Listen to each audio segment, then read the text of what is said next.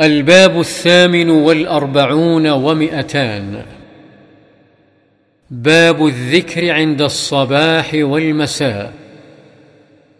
وعن أبي هريرة رضي الله عنه قال قال رسول الله صلى الله عليه وسلم من قال حين يصبح وحين يمسي سبحان الله وبحمده مائه مرة لم يأت أحد يوم القيامة بأفضل مما جاء به إلا أحد قال مثل ما قال أو زاد.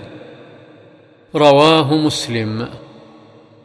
وعنه رضي الله عنه قال جاء رجل إلى النبي صلى الله عليه وسلم فقال يا رسول الله ما لقيت من عقرب لدغتني البارحة.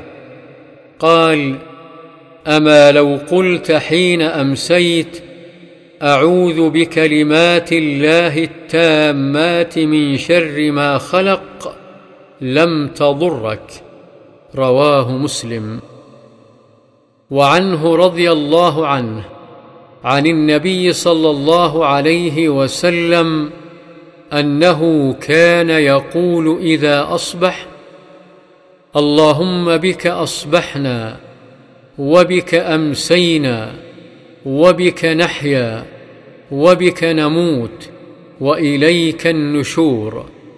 وإذا أمسى قال اللهم بك أمسينا وبك نحيا وبك نموت وإليك المصير.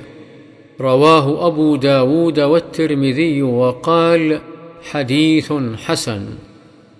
وعنه رضي الله عنه أن أبا بكر الصديق رضي الله عنه قال يا رسول الله مرني بكلمات أقولهن إذا أصبحت وإذا أمسيت. قال قل اللهم فاطر السماوات والأرض عالم الغيب والشهادة رب كل شيء ومليكه. أشهد أن لا إله إلا أنت. أعوذ بك من شر نفسي وشر الشيطان وشركه. قال قلها إذا أصبحت وإذا أمسيت. واذا اخذت مضجعك. رواه أبو داود والترمذي وقال حديث حسن صحيح. وعن ابن مسعود رضي الله عنه قال كان نبي الله صلى الله عليه وسلم إذا أمسى قال أمسينا وأمسى الملك لله والحمد لله لا إله إلا الله وحده لا شريك له. قال الراوي أراه قال فيهن له الملك وله الحمد وهو على كل شيء قدير. رب أسألك خير ما في هذه الليلة وخير ما بعدها وأعوذ بك من شر ما في هذه الليلة. وشر ما بعدها. رب أعوذ بك من الكسل وسوء الكبر. رب أعوذ بك من عذاب في النار وعذاب في القبر. وإذا أصبح قال ذلك أيضا أصبحنا وأصبح الملك لله. رواه مسلم.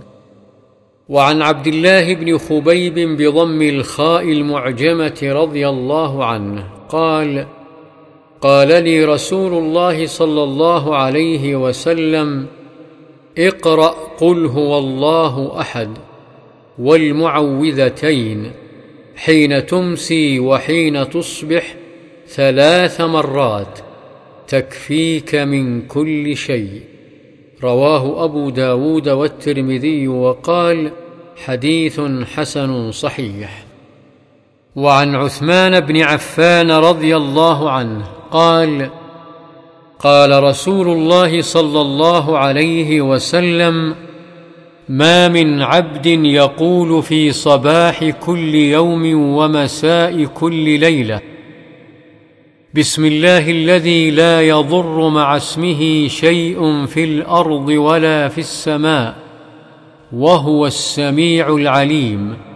ثلاث مرات إلا لم يضره شيء. رواه أبو داود والترمذي وقال حديث حسن صحيح.